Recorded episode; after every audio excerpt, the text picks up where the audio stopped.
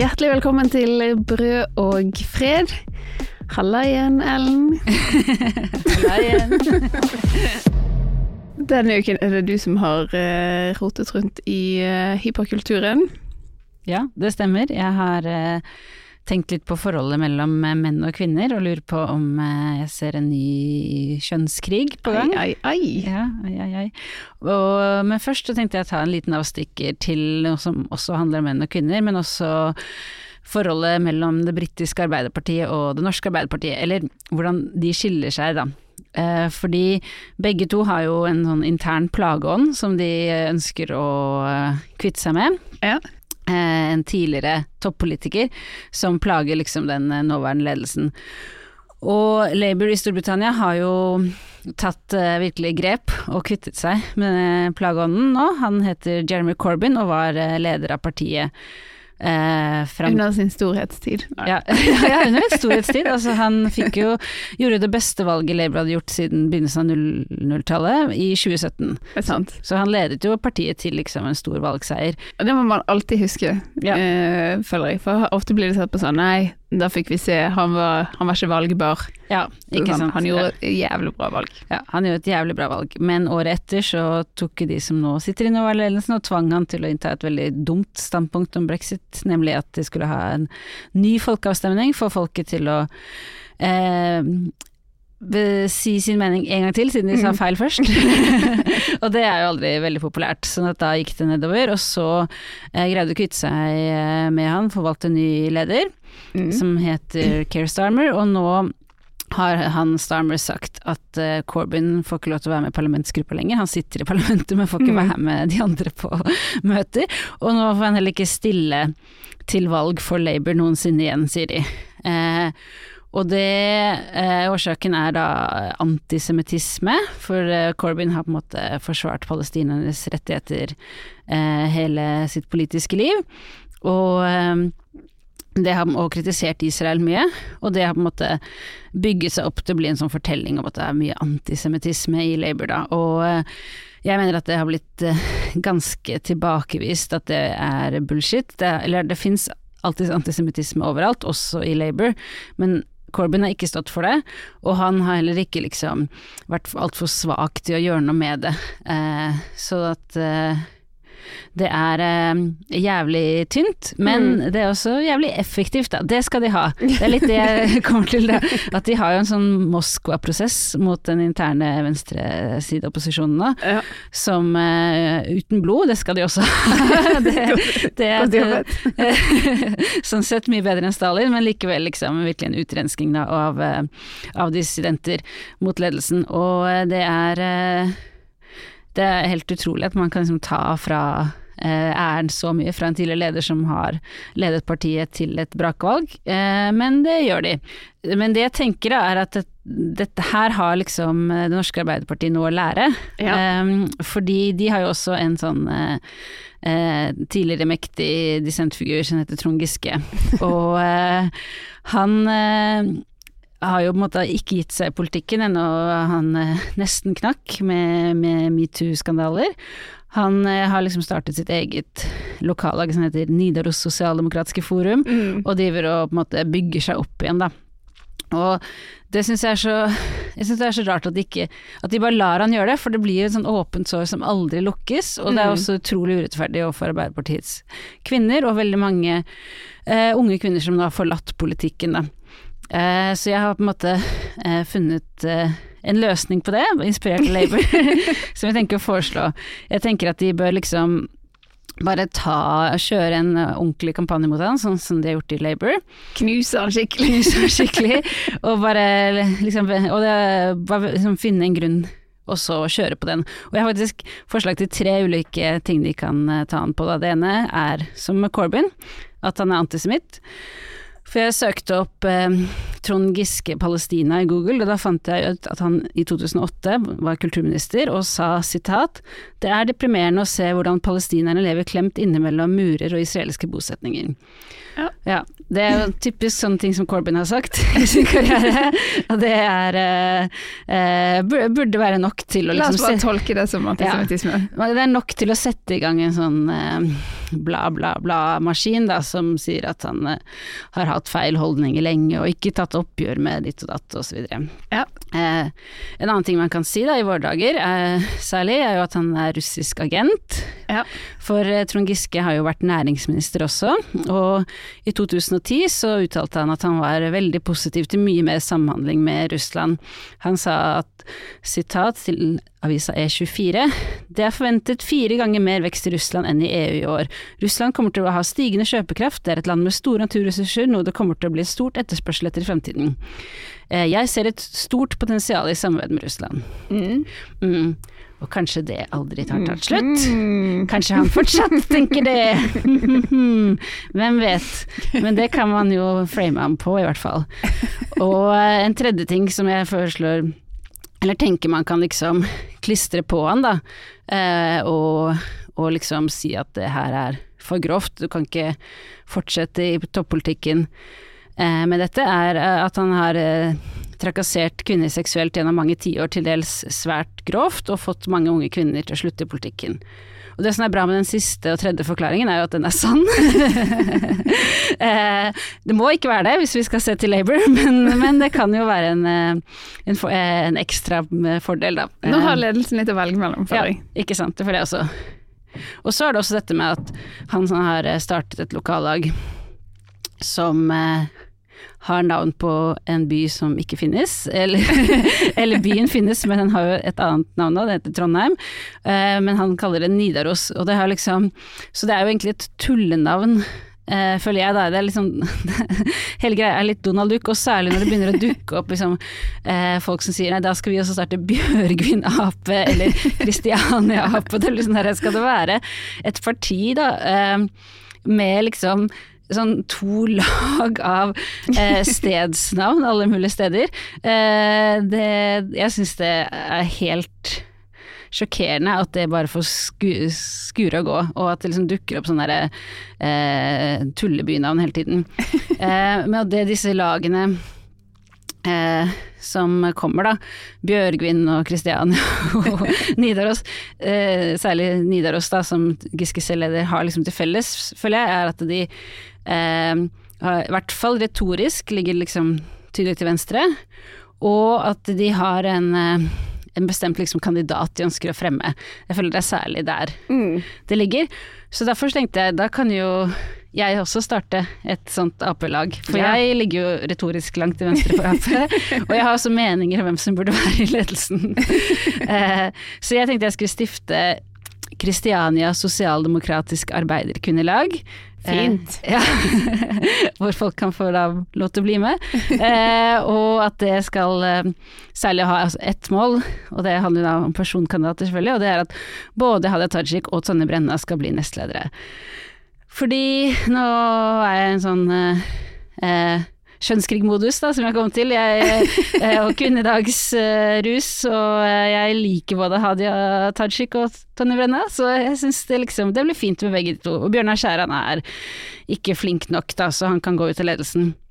Men da er det jo sånn at Arbeiderpartiet har kjønnsbalanse vedtatt, så det må være eh, to av hvert kjønn i ledelsen, så betyr det at også Kjersti Stenseng må ut hvis disse to går inn. Partisekretæren. Partisekretæren, ja.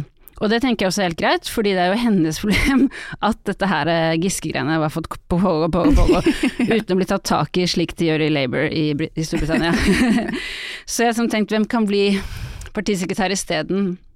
og bare rydde litt opp, da, og det tenker jeg er rett og slett eh, gamle partisekretæren Håkon Lie som hologram. Han kan liksom komme tilbake, det må teknologien på et eller annet vis kunne fikse nå. Eh, og eh, jeg tenker at han kan få begynne med å få komme på stiftelsesmøte til mitt lag. Kristiania Sosialdemokratisk Arbeiderkvinnelag. Mm. Eh, for å liksom teste det, fordi det jeg vil at han skal gjøre der, det er å, å skjelle oss ut etter noter. si at vi ikke får lov til å stifte noe jævla Kristiania-lag. At det ikke går an å ha tullenavn på byer, eller noe leke late som Arbeiderpartiet er en vikinglandsby. og at det skal være sånn som den svenske kommunistlederen C.H. Hermansson sa, noen jævla ordning i et parti.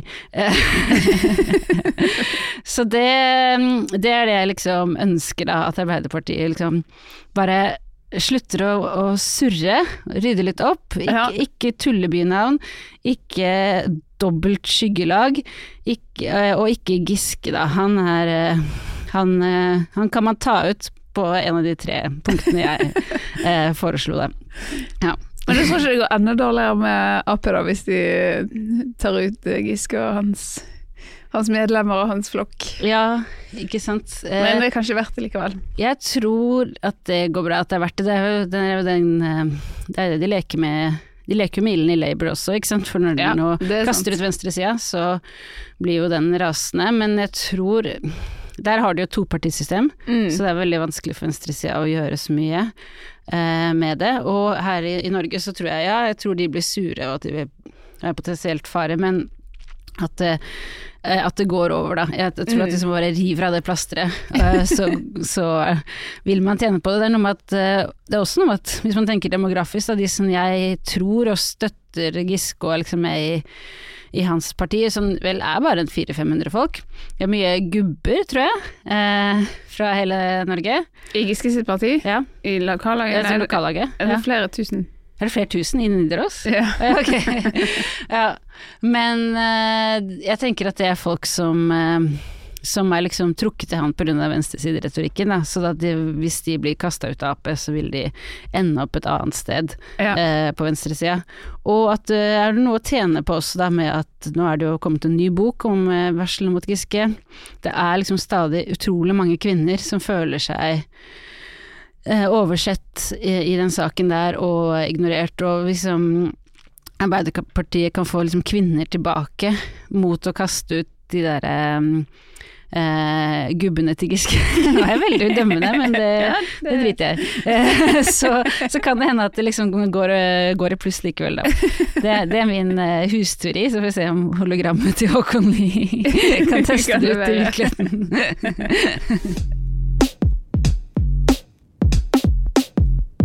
Det vi snakka om i dag, det var jo, jo den nye kjønnskrigen, så det var jo veldig opptakt til det.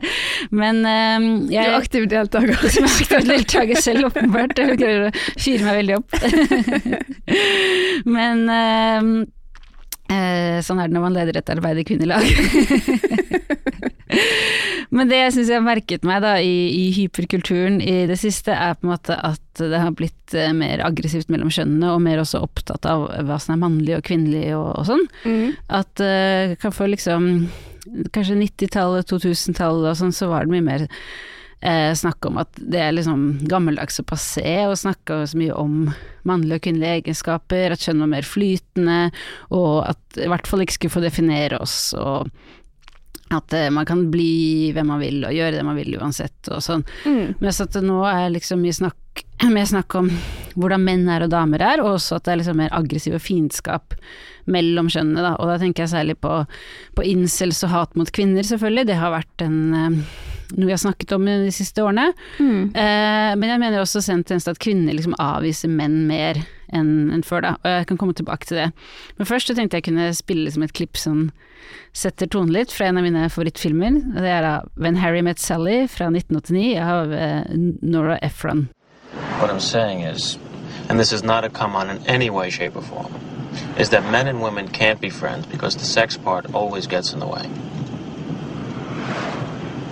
That's not true. I have a number of men friends and there is no sex involved. No, you don't. Yes, I do. No, you don't. Yes, I You do. only think you do. You're saying I'm having sex with these men without my knowledge? No, what I'm saying is they all want to have sex with you. They do not. Do too. They do not. Do too. How do you know? Because no man can be friends with a woman that he finds attractive. He always wants to have sex with her. So you're saying that a man can be friends with a woman he finds unattractive? No, you pretty much want to nail him too. What if they don't want to have sex with you? Doesn't matter. Because the sex thing is already out there, so the friendship is ultimately doomed, and that is the end of the story. Well, I guess we're not going to be friends then. Guess not. Uff. Ja. Uh, Jeg syns jo denne filmen er så artig fordi den er eh, eh, Den er liksom sånn morsom og tull og tulle med dette her og sånn, men eh, eh, det er liksom eh, en teori jeg aldri har tatt helt på alvor, men, eh, men det er kanskje noe der òg, hva tror du? Kan menn Altså- og kvinner være venner? Jeg tenker jo sånn, selvfølgelig kan de det. ja. Og så tenker jeg, hvor mange venn, mannlige venner har jeg? ja. ja, har du noen særlig mannlige venner? Eh, altså det er jo mange menn som jeg på en måte tenker jeg er venn med, men ikke som jeg sånn henger ut med bare meg og min mannlige venn. eh, så jeg får, i- for det i teorien, men jeg leverer ikke i praksis i det hele tatt. Nei, Nei sånn, er, sånn er jeg også. Jeg, eh, liksom, hvis jeg tenker på menn jeg kjenner som jeg liksom kunne tatt en kaffe med eller en øl med, eller naturlig at de sender melding og, og ses og, og eh, ja, kanskje til og med skal dra på ferie sammen, eller liksom er ordentlige venner, da, så er det jeg har egentlig bare to i så fall, så shout-out til dem. Det. Men jeg har alltid tenkt at det ikke handler om at jeg ikke liker menn, eller tror at det er umulig at man kan være venn med Mm. men at det er bare at jeg elsker kvinner. For jeg er veldig mye sammen med, venninner, da, Ja. eh, og syns det er veldig, veldig kjekt. Men, også, kanskje det bare har noe med det, og tidsbruk, at jeg ikke men, men kanskje det stikker dypere enn det, tror du Ja. det? Ja. Det er noe interessant der, altså. Ehm, for det, det skulle jo ikke ha noe å si veldig mye Altså, jeg tenker en del av det vi snakker om når vi er liksom sammen med andre venninner, er jo Hva skal man si Litt uh, innenfor den kvinnelige sfæren, kanskje. ja. Men mye er jo ikke det, og det hadde Ja, jo ikke hatt noe å si om det også var Uh, masse menn der, på en måte, eller ja. Nei, nei, så Så det er noe litt sånn uh, rart det, hvorfor jeg syns det er så mye gøyere med damer enn menn. Ja, jeg vet. Um, jeg jeg, jeg syns også det. Jeg har ingenting imot menn, jeg bare ser dem aldri. Det er litt sånn ja. Ehm, men uansett, da, dette er jo en populær og morsom film. Men jeg så da altså en fyr på YouTube i år som uh, sa veldig mye av det samme som Harry, da, men han la det frem på en litt annen måte, og da ble jeg veldig irritert. Så jeg kunne høre et klipp fra det også. having a female friend, someone I hang out with often, who is my friend, and we're purely platonic, is garbage. It's garbage because as a man, I'm spending 99% of my energy finding a sexual partner. And no, but any partner of mine who I'm also having sex with, my girlfriend, my wife, whoever it may be, she is my friend. There's no benefit from female friendship outside of the friendship I'm going to get from my partner. Truthfully, it can really be the same the other way around. If you have a man and you truly love him and he's your guy, you shouldn't really need other dudes. That's the truth. You shouldn't. Ja, Skjønte, skjønte altså- du hvem det var?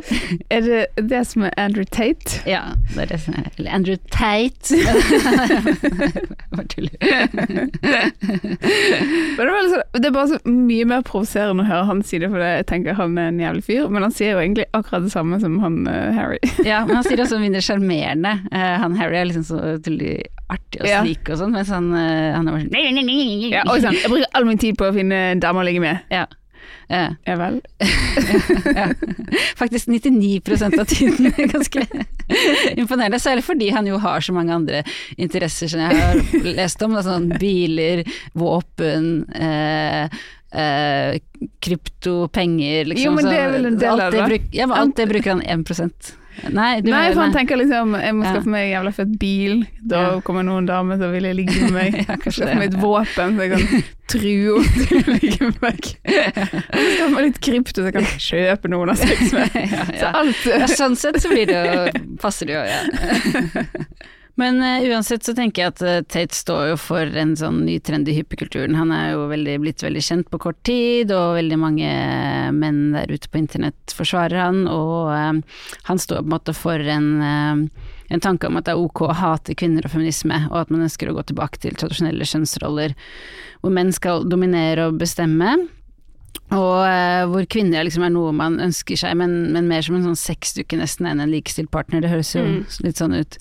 Eh, og eh, eh, det er liksom paradoks med den derre tankegangen her, at man på en måte hvis man liksom hater kvinner, så burde man jo ikke ha noe med dem å gjøre, men isteden så skal man liksom både hate dem og ha veldig lyst til å være med dem mm. hele tiden, da. Um, Men hater han alle kvinner, eller hater han ikke bare det mange kvinner Eller liksom Han vil ha sine kvinner på en veldig spesiell måte, da. Ja, det er vel kanskje heller det. Mm. Ja.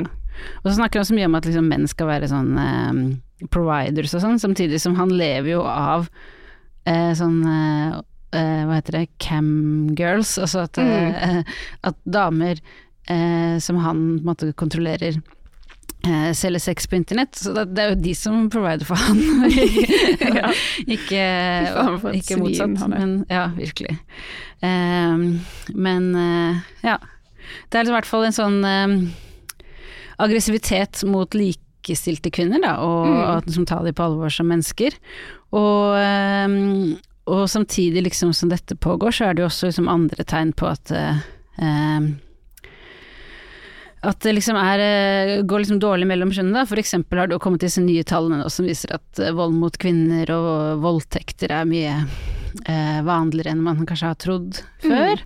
Og i Norge at én av fem kvinner har blitt voldtatt og sånn. Og eh, det er liksom et stort spørsmål om det henger sammen med pornokultur, dataspill, den her type prat på internett. Jeg tror kanskje det, det alt sammen gir sammen, men at det er vanskelig å finne helt hvordan, da. Men eh, Klassekampen hadde jo 8. mars et intervju med den svenske politiinspektøren Simon Heggstrøm, eh, som jobber liksom eh, med prostitusjonsforebygging i Stockholm, og som mener at eh, sexkjøpsloven vi har i Norge og Sverige er veldig bra, og at det hadde vært mye verre på gata der hvis den ikke hadde fantes, og at eh, han ser helt eh, jævlige ting da på at folk eh, som er fanget i prostitusjon har det veldig vondt, og at veldig mange av dem er fattige kvinner fra Øst-Europa som eh, selger seg halliker og har stor gjeld og mm. Og han sier, men det han også sa som jeg syns var trist og interessant, da, det er at han ser at både kjøpere og selgere blir yngre. Eh, og det, hører, det er et veldig skuffende backlash i seg selv. For man har på en måte tenkt at hvis vi innfører sexkjøpsloven og har et generelt progressivt Ja, at det Eh, skulle ha sånn holdningsskapende effekt, ja, liksom. ja, ja. Gutter skal vokse opp med å vite at det ikke er lovlig å kjøpe sex. Mm. Ja, både loven i seg selv, men, men også veldig mye annet i Mm. samfunnet vårt. Liksom, eh, eh, at vi har en sånn framgang på det feltet, da. Eh, Mm. Hvor liksom å se på kvinner som noe man kan kjøpe som en vare. Hører fortiden til, sånn at sexkjøperne blir bare eldre og eldre og til slutt eh, er døde. Litt sånn som røykere.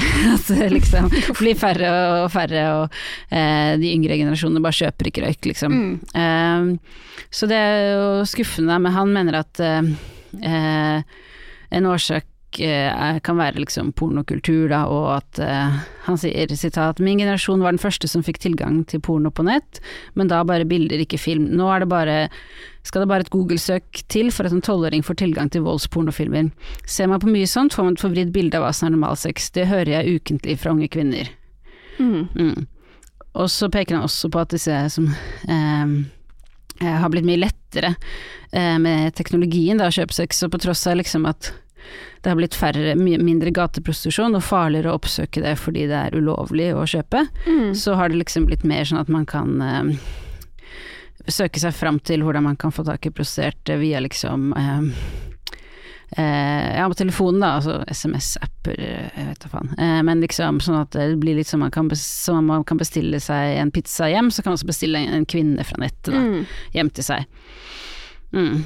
Eh, og eh, eh, det som tenkte på at jeg hørte en svensk podkast som het Puss Puss Podkast, som også diskuterte det, og de mente at liksom dagens eh, middelklasseunge, altså folk som har eh, grei råd og sånn, de er på en måte vokst opp i et samfunn eh, hvor man kan få alt man vil levert på døra. Eh, og har sett foreldrene gjøre det, og da mener jeg som helt normale ting, da, altså sånn eh, klær og eh, møbler og mat fra Fodora og alt mulig sånt, og så man bare sitter og liksom taster og trykker, og så kommer det eh, eh, levert da fra sånn underbetalte bud, og man ser liksom ikke helt eh, alt det bakenforliggende problemet med den konsumsjonen. Eh, og så er måte veien derfra til å liksom eh, eh, ja, selvrealisere seg, konsumere det man vil. Har man nok penger, så kan du måte fortjener du også å kjøpe det du vil.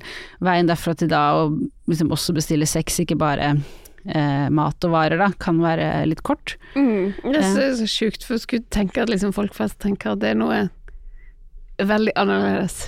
Ja, Men, det tror jeg eh, også folk flest ja, tenker. det Det, det er jo Sexkjøpere er nok ikke majoriteten av menn, men, eh, men at det kanskje er eh, At det liksom likevel har bygget ned barrieren litt, og at det er så, Mm. at det er så utrolig lett og tilgjengelig, og, og du trenger ikke gå ut døren engang, du trenger ikke, som, som menn måtte gjøre før, eller liksom at det fantes en eh, fare for å bli eh, sett i kvadraturen på kveldstid, liksom. Mm, der, eh, så, så er det selvfølgelig en fare for at naboene ser at det kommer noen på døren, men det er jo Ja. kanskje ikke så nok til å stoppe folk. Nei. Og så er det jo dehumaniserende hele den derre å bare bestille noe via mobilen. Ja, ja. Også med liksom sånne Volt eller Fodora-bud. Man, de liksom, man vet ikke hvem de er, man har ingen relasjon til dem, eh, vet ikke hvordan arbeidsforholdene er. De bare liksom dukker opp med en pose, og så eh, sier man takk. Man rekker knapt det, for de har pilt videre fordi de har liksom andre ting å gjøre. Så, så den, man får liksom et rart forhold til liksom hele det og, og andre mennesker, da. Men det syns jeg jo ikke Altså det at man har bud, det har man jo hatt lenge. Problemet er jo hvis de tjener altfor lite. mm. Ja. Jeg tenker det det å være bud i seg sjøl ikke dehumaniserende jobb. nei, nei, det er det ikke. Nei, det, det er enig. Det er mer det der at man eh, Man får liksom eh, folk som tjener veldig lite bestilt hjem til seg, da. Ja, ja. Men det, ja.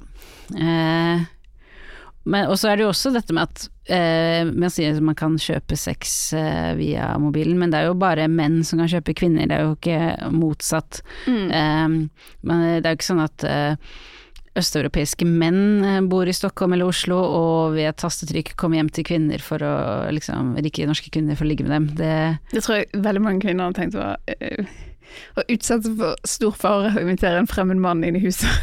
ja, absolutt. Det tror jeg hadde vært uh, veldig farlig. Til Særlig en som er sånn kjempefattig, han kunne jo bare hatt med en kompis, eller til og med alene, bare ranet deg fullstendig. Ja, ja. Eller det er liksom det, det er første kvinne vi tenker, da. Og dessuten tror jeg også uh, det, Jeg tror ikke det ligger for kvinner å tenke sånn uh, Because I'm worth it når jeg har et ligg, jeg bare bestiller det, eller sånn. I så fall eh, liksom via Tinder, at man flørter med noen og bare Jeg er hypp, er du hypp, eh, la oss møtes, liksom. Men Ja. kjøpe, det tror jeg ikke. Det tror du helt rett i. Eh. Um, men noe som han eh, politiinspektør eh, Heggstrøm også trekker fram, er jo dette med at eh, man har en sånn trend med den derre hustle-kulturen som vi snakket om i episode sju. At man hele tiden liksom hyller utseende, mote, rikdom, eh, og skal prøve å, å nå eh, få mye penger.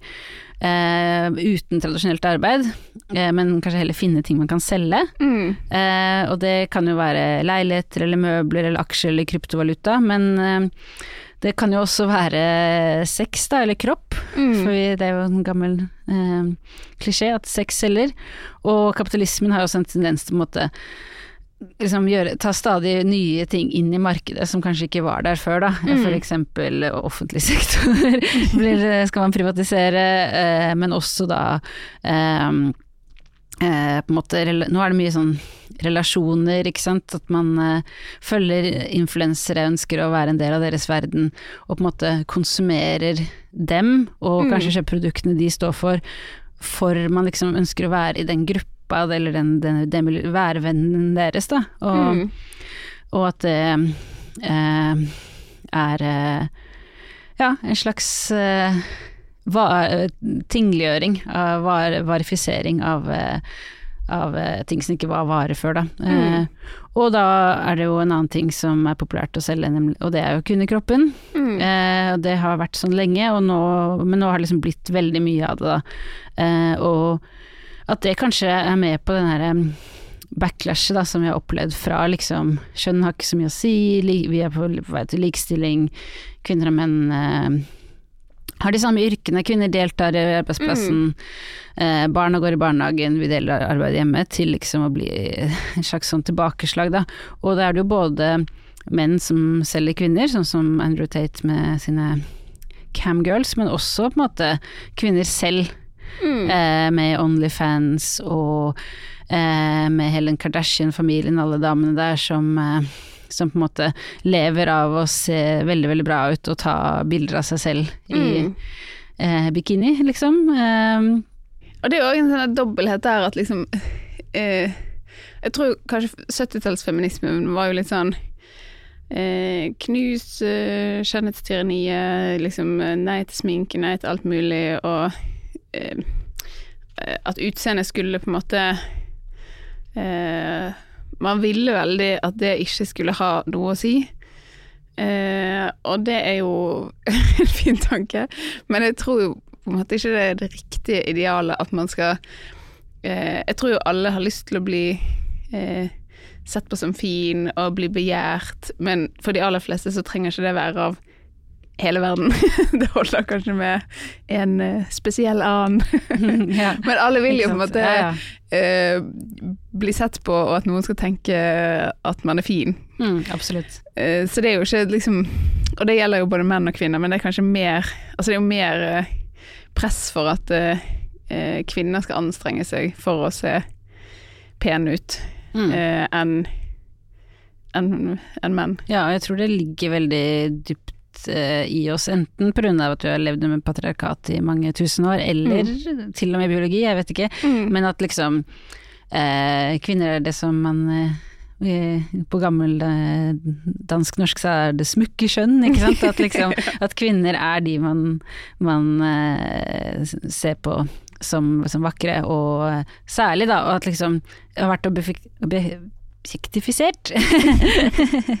lenge. Eh, sånn at eh, man har snakket om det mannlige blikket som er på kvinner, og at det er jo noe kvinner eh, ofte opponerer litt mot, i hvert fall liksom hvis det blir for mye sånn altså med trakassering og tafsing og sånn, men også at man, man jo hvis man er ærlig, ønsker det litt. Eh, Har i hvert fall eh, veldig mange kvinner som blir eldre som rapporterer om at, eh, også feminister, at det liksom var, var litt sånn sårende og, og trist overgang, eh, overgangsalderen, hvor man liksom har vært fått mye oppmerksomhet for det man var eh, hele livet, eller hvordan man så ut, liksom. Mm. Og så plutselig så er man bare gammel, og man, andre blir sett på, og man blir så forbigått, da. Mm. Eh, så eh, dette Disse influenserne, alle sånne damer som legger ut sånne bikinibilder av seg selv og, og sånn, de ønsker jo veldig å bli begjært. eh, ja. Mm. Og jeg tror det liksom Det gjør det liksom vanskeligere, eller man kan ikke bare si sånn eh, Vekk med alt, på en måte. Altså det må være sånn Ja, men hva skal Hva skal være liksom idealet når det gjelder eh, skjønnhetsnormer og den type ting i hva hadde vært det beste, da? Hadde det vært eh, Jeg tror ikke det er verken det beste eller realistisk at alle skal bare eh, tenke null på hvordan man ser ut. Nei. Men så er det jo på en måte hvis det opptar eh, 99% av tiden til unge jenter, eksempel. Ja, det er noe med det. Ja. Så Mm. eh, ikke det bra. Nei, hvis menn tenker 99% av tiden hvordan de skal kunne få en dame å ligge med, og damer tenker 99 av tiden hvordan de ser ut, så Da blir det faktisk ingen tid til sex for noen av dem. Nei, eller få noe annet gjort. Ja, for noe annet gjort. Nei, det er det. Kvinner Det er også sånn eh, jeg tenker på med denne her kjønnskrigen eh, som vi snakker om, at menn eh, måte har en tendens til å, å, å ta den her eh, det de tenker på, eh, og rette det utover. Mm. At eh, særlig incels er liksom sure på damer, det er deres feil og sånt, mens, mens, eh, mens kvinner retter veldig mye eh, negative følelser innover, da, og Mm. er veldig sånn 'å, jeg er ikke pen nok, jeg er ikke eh, tynn nok', og så og bruker helt ekstremt mye tankekraft på det, og det må vi på en måte bort Mm. fra, da. Så Men jeg tror jo en del av den incel-kulturen også, det er sikkert litt eh, forskjellige retninger på den, men en del av den er jo helt sånn ufattelig eh, grusom og destruktiv mot eh, menn som på en måte sitter og skriver til hverandre på nett hvor eh, stygge de er, og liksom eh, at eh, nei, det er bare å ta livet ditt, og altså det er helt sånn forferdelige forumer som fins. Ja. Og så er det jo en annen del av det som også er sånne ja, du kan bare sitte der og være en eh, taper, eller du kan ta grep og begynne å ta anabole steorider og Ikke begynne sant? å trene. ja, ja, ja. Så, så, så noe av det rettes jo innover også der. Absolutt. Det er en veldig Det er en måte mannsdrevet uh, del av kulturen, det derre uh, Andrew Tate og uh, uh incel-genet, men det er jo ikke bra for menn, på en måte. Nei, nei. Eh, tror jeg, da. Så er det jo kvinnene, da, eh, i dette. Eh, jeg lurer på om vi har på en måte en hyperkulturell motreaksjon på det her eh, nye kvinnehatet i kulturen. Mm. Eh, og det er jeg ikke helt sikker på, men jeg føler at jeg ser en tendens til at kvinner liksom avviser menn mer enn før. Mm. Og at det særlig gjelder rundt det liksom å, å skaffe barn og stifte familie. Eh, jeg opplever at eh, før, sånn, sånn for sånn ti år siden, da, fem år siden når det ble vanligere å dra til Storken i Danmark og skaffe barn på egen hånd, så sa damer at det gjorde de fordi de var liksom blitt eh, i slutten av 30-årene, og eh, nå liksom sa den biologiske klokken at de måtte gjøre det. De ville helst gjort det med en partner, men de hadde ikke funnet noe ennå. At det var veldig sånn Dette er en nødløsning, da. Men jeg syns jeg ser mer og mer tendens til at kvinner ikke sier det på den måten, at det er en nødløsning for dem, men, men noe de foretrekker, da. Eh, og eh, det sies at eh, for å ha liksom en take, så trenger man tre eksempler. og det har jeg faktisk funnet. Jeg har funnet ett fra Norge, ett fra Danmark og ett fra Sverige.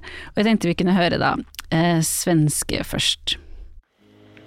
Så det var jo åldern och att jag faktiskt inte hade lust längre att söka en, en kärlekspartner, en givande pappa. Och att jag hade längtat efter barn i flera år. Mm. Så her altså er det Maria Hagstrøm som sier til svenske Dagens Nyheter at hun eh, innså at hun ikke lenger ønsket en kjærlighetsrelasjon med en blivende pappa. Mm. Ja. Og det samme sier da danske Marlene Winderskilde til Norske kvinner og klær. Hun er da 38 år og blitt gravid med fertilitetsbehandling, og hun sier at uh, for henne så var det mest riktig å få barn alene.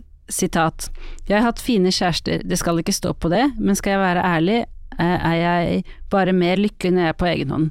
Da jeg endelig turte å stå ved det, turte jeg også å stå ved at jeg faktisk ville ha barn alene. Mm. Mm. Og til sist så har vi da det norske eksempelet. Eh, også en 38 år gammel kvinne som har snakket med Kvinner og klær. Hun heter Linn Landevall.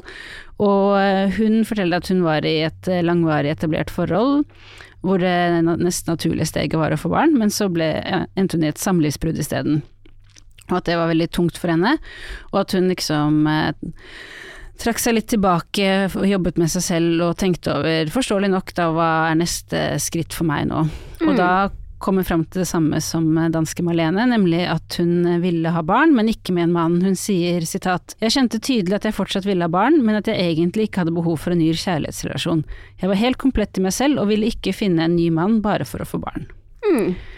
Ja. Og det, det ikke, leser ikke opp disse eksemplene for å dømme noen, det er jo helt greit, men jeg mener at det, Eh, min hårete hypotese er at eh, menn eh, avviser eh, kvinner i våre dager, og kvinner svarer med å avvise menn.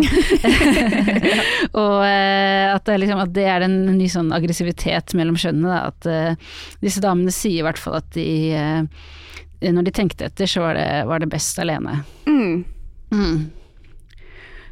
hva tenker du om det? Nei, det, jeg syns det er interessant. Jeg tror jo Jeg lurer på om Eller det sier jo også hun igjen i hvert fall først, hun sa jo også at det hadde med alder å gjøre, og at liksom Det er jo noe med på en måte tidspresset som gjør at uh, tanken på å skulle finne sin kjæreste først Altså, det er jo òg på en måte et sånn Én ting er sånn Vil man ha den kjærlighetsrelasjonen eller ikke, men òg så tror jeg i hvert fall jeg ville tenkt at det er liksom litt risikabelt å satse på å skulle finne en mann, for det kan ta så lang tid. Mm. Og det Ja. har man ikke tid til i den alderen. Nei, at det Kanskje. ikke går opp. Ja. Ja, og så er det Men eh, det kan jo òg hende absolutt at man bare har tenkt nei, nå har jeg prøvd eh, kjærlighetsforhold, og det Det. Er for slitsomt, eller det er like fint uten. Ja, for det de sier, altså hun Malene sier også at uh, intuisjonen min uh, visste da jeg ble singel at jeg ville bli mor på egen hånd, at det var det riktige for meg. Og da Mm. kan det jo hende at man kan jo si sånn det, det er noe hun bare sier til seg selv og oss fordi hun eh, ikke har en kjæreste, men, men det kan jo hende at, hun, at det Mm. stemmer, da. Ja, ja. Eh, og, og i så fall, hvorfor føler hun det? Føler hun liksom det, det fordi hun har eh, men på en måte bare ork da, forholde seg til, eller er det bare ikke truffet den rette, eller Og når jeg bare si sånn, jeg mener jo ikke at de fleste menn er, er sånne kvinnehatende drittsekker, eh, men bare at liksom som vi alle vet, så er liksom kulturen vår nå preget av mye sånn eh, Mm. Hashtag free date og Ja. Og også liksom en nykonservativ bølge opptatt av tradisjonelle kjønnsroller osv. Som jeg tror kvinner ikke er så interessert i kanskje å gå inn i. Um, Ja, og så er det kanskje noe med Eller liksom eh, Dette er jo eh, Mener jeg jo på en måte ikke, men at uh, um, det mange menn ser ut til Eller ok, i hvert fall det Andrew Tate ser ut til å være mest opptatt av når det gjelder kvinner, Mm. er sex, og ikke på en måte eh, kjærlighetsrelasjonen. Eh, og så kan man jo tenke at for noen kvinner i en periode av livet, så blir det å få barn viktigere enn kjærlighetsrelasjonen. Og, og nå har man på en måte mulighet til å bare velge den vekk, Mm. Eh, og få barn på egen hånd. For kvinner, da. Mm. Og at man liksom skaffer seg den delen som tidligere har vært eh, forbeholdt parforholdet. Mm. Både sex og det å få unger. Eh, nå bare velger man den delen man vil ha, Ja, ikke sant. og dropper eh, hele forholdsbiten. ja, ja, ja. Og at menn tar liksom velger seg sexdelen, damer Ja. velger seg eh, Barndelen. barn- barndelen, og så er det ingen som velger parforholddelen. Ja. ja, ikke sant. Ja, det, Ja. altså det vil si, de fleste velger jo Ja, ja, pardelen. ja. Ingen Men- velger det bortsett fra de fleste. Men det finnes på en måte noen, noen på Ja. ytterkantene. Eller, Mm, ja, liksom, det virker sånn. Mm. Men jeg syns jo det er noe interessant med for jeg tror ikke vi skal så veldig mange eh, langt tilbake i tid før Altså, det var ganske sånn stygg retorikk mot liksom sånne alenemødre, og at eh, da var det òg liksom litt sånn her kvinnen som på en måte hadde endt opp i en eller annen situasjon, eller altså mannen var Mm. Greide ikke å holde på mannen, åpenbart. ja, sånn. altså Ja, ja. mannen fikk ikke skylden, og, liksom, og, og Mm. det ble i hvert fall ikke sett på som et uh, frigjøringsprosjekt. Eh, som jeg føler at disse kvinnene er mer sånn Ja, jeg vet hva jeg vil ha, jeg eh, vet hvordan jeg skal skaffe meg det, og det gjør jeg. Mm. Og så får de barn på egen hånd, og så er de eh, fornøyd, da. Mm. Og det er jo bra. Ja. Jeg tror disse kvinnene føler sånn at hun eh, Maria Hagestrøm er også en del av et mammanettverk som Dagens Nyheter besøker i forstaden Hagers, Hegersten utenfor Stockholm. Det, reportasjen heter 'Hegerstensmammorna' og handler liksom om kvinner som valgte å få barn alene, og som så har blitt naboer med hverandre og ses hele tiden selvtidende barna og sånn. Så på en måte, det høres igjen litt sånn 70-tallsfeministisk ut, føler jeg. Litt sånn der, vi lager bare sånn der fin, litt klam kvinneboble hvor vi kan kose oss. og, Slippe å forholde oss til menn. ja, det. Noe ikke Ja. helt bra med det òg. Men det hørtes ut som et veldig fint kollektiv, da. Eller Ja. liksom ordning. At man Mm, har andre i nærheten med Mm. lik erfaring. ja. Men det er jo likevel liksom teit med sånn kjønnskamp, da. Og at man hvis det skal liksom I hvert fall hvis det skal bli verre, hvis det skal begynne liksom mm. mer og mer sånn skule på hverandre og uh, ikke eh, og på en måte melde seg ut av hverandres liv, eh, menn og kvinner. Eh, jeg syns jo ikke at det skal liksom være Nei, for det er jo litt sånn Hva er det med uh, det hva, Eller liksom likestilte parforholdet som er så vanskelig, altså, som gjør at eh, Ok, eh, ja ja, de fleste har det fortsatt Mm. som eh, ideal og eh, praksis, men eh, eh, at en del velger det vekk, da. Mm.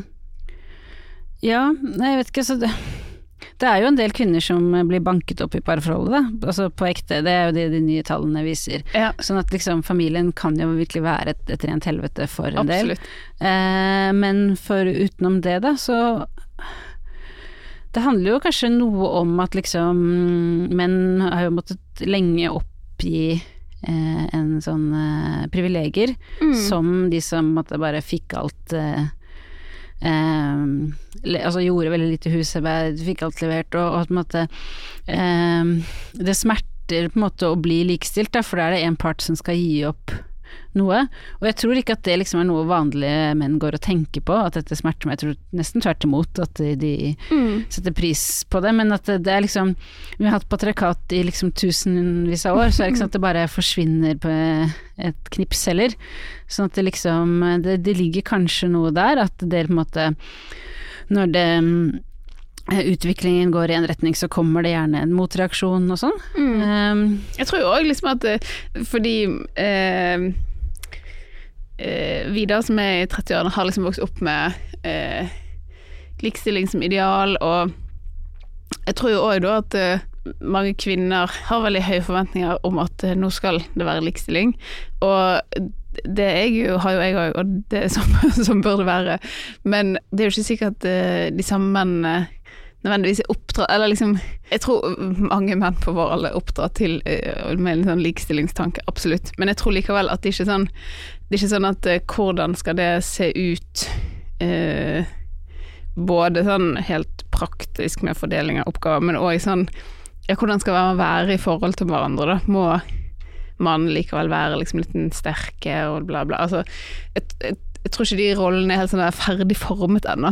Og at eh, eh, vi, vi baler litt med det, kanskje, da. Ja, Og at tror det, gjør det liksom vanskelig. Og at fordi man har et sånn sterkt likestillingsideal, så blir man liksom sånn krenket av eh, eh, Liksom nå har ikke du tatt oppvasken, og derfor ikke likestilt, og det gjør at det blir krenk... Eller at man tar på en måte det personlige, at man ikke Som ikke handler om sånn menn tar ikke oppvask og la-la, og For det tror jeg er veldig forskjellig i veldig mange par. Eh, men at eh, man bare gjør det at man er liksom forskjellig i hvordan man lever eh, i et eh, hjem til på en måte sånne eh, Hvis ikke vi gjør likt, eller hvis vi ikke har gjort på lik måte, eller hvis ikke du gjør det på den måten jeg er vant til, så har vi et stort problem. Mm. Og det går utover eh, min følelse av å leve i et likestilt forhold, eller ja. Ja, ikke sant. Og også at hvis man skal liksom bli helt likestilte og gjøre det, det samme, men vi har levd i tusenvis av år med å ha veldig ulike oppgaver, så kanskje liksom både menn og kvinner og undervist liksom kjemper litt men hva er jeg da? Altså sånn, eh, at det er da sånn eh, dette er mannlig, dette er kvinnelig blir litt sånn inn igjen. Eh, fordi vi eh, eh, vi kanskje ønsker oss litt forskjell også, da. Eh, og, eh, og jeg tenker at det kanskje særlig gjelder liksom eh, eh, mannsrollen. Eh, at som Det er fortsatt veldig forventet, tror jeg, at menn skal, i tillegg til å være likestilt med sånne ting som oppvask og matlaging, at de skal liksom gjøre de tunge tingene i huset og bytte dekk på bilen og de, den derre eh, jeg vet ikke, praktiske ting. Mm. Kanskje også tjene mer, det er jo et ideal i samfunnet fortsatt, menn tjener jo mer enn kvinner.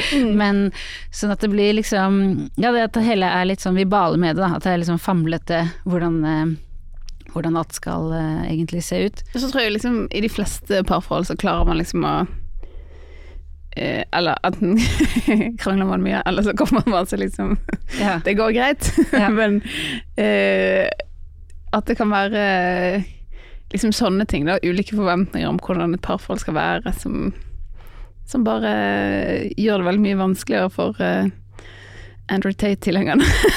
Ja, ikke sant? og som gjør det at de dras mot Andrew Tate. Og, ja. Ja, ja, ja. At, uh, at det er noe forlokkende i det han sier om hvordan Mm. det burde være mellom kjønnene, og at da kvinner uh, liksom trekkes mot å bare heller liksom starte sitt eget kvinnekollektiv eh, Mm. i eh, Hegersten, eller uh, greie seg alene, da. Um, så um, Mm. Men jeg, det er jo uh, synd. Uh, jeg syns jo menn og kvinner bør være venner. og, og jeg tenker liksom, det litt sånn slappe svaret, da, som jeg dessverre tror stemmer, det er jo at sånn, det trengs mer feminisme og enda mindre patriarkat, liksom.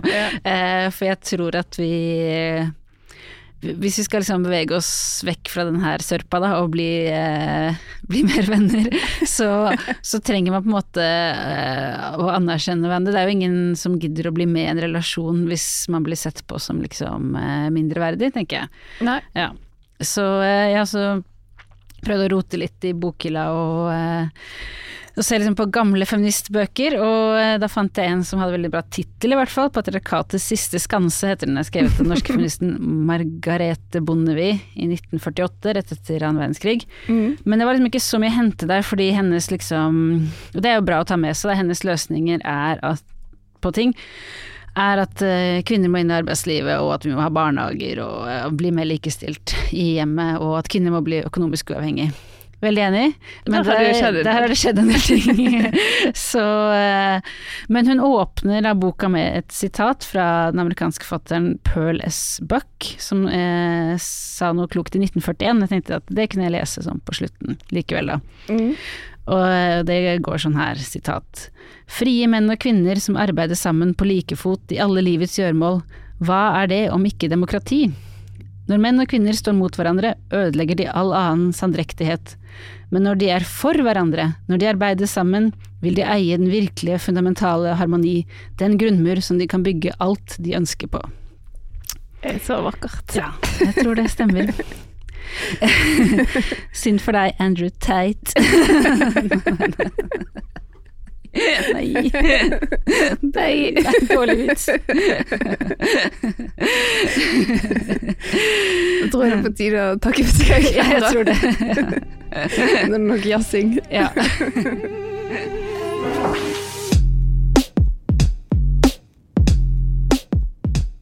Da sier vi takk for denne gang. Send oss en e-post til brod og eh, vips penger til Manifest Media, sånn at vi kan fortsette å produsere masse bra podkaster. Vips nummeret er i episodebeskrivelsen i din podkastspiller. Ha det. Ha det! Du har hørt en podkast fra Manifest Media.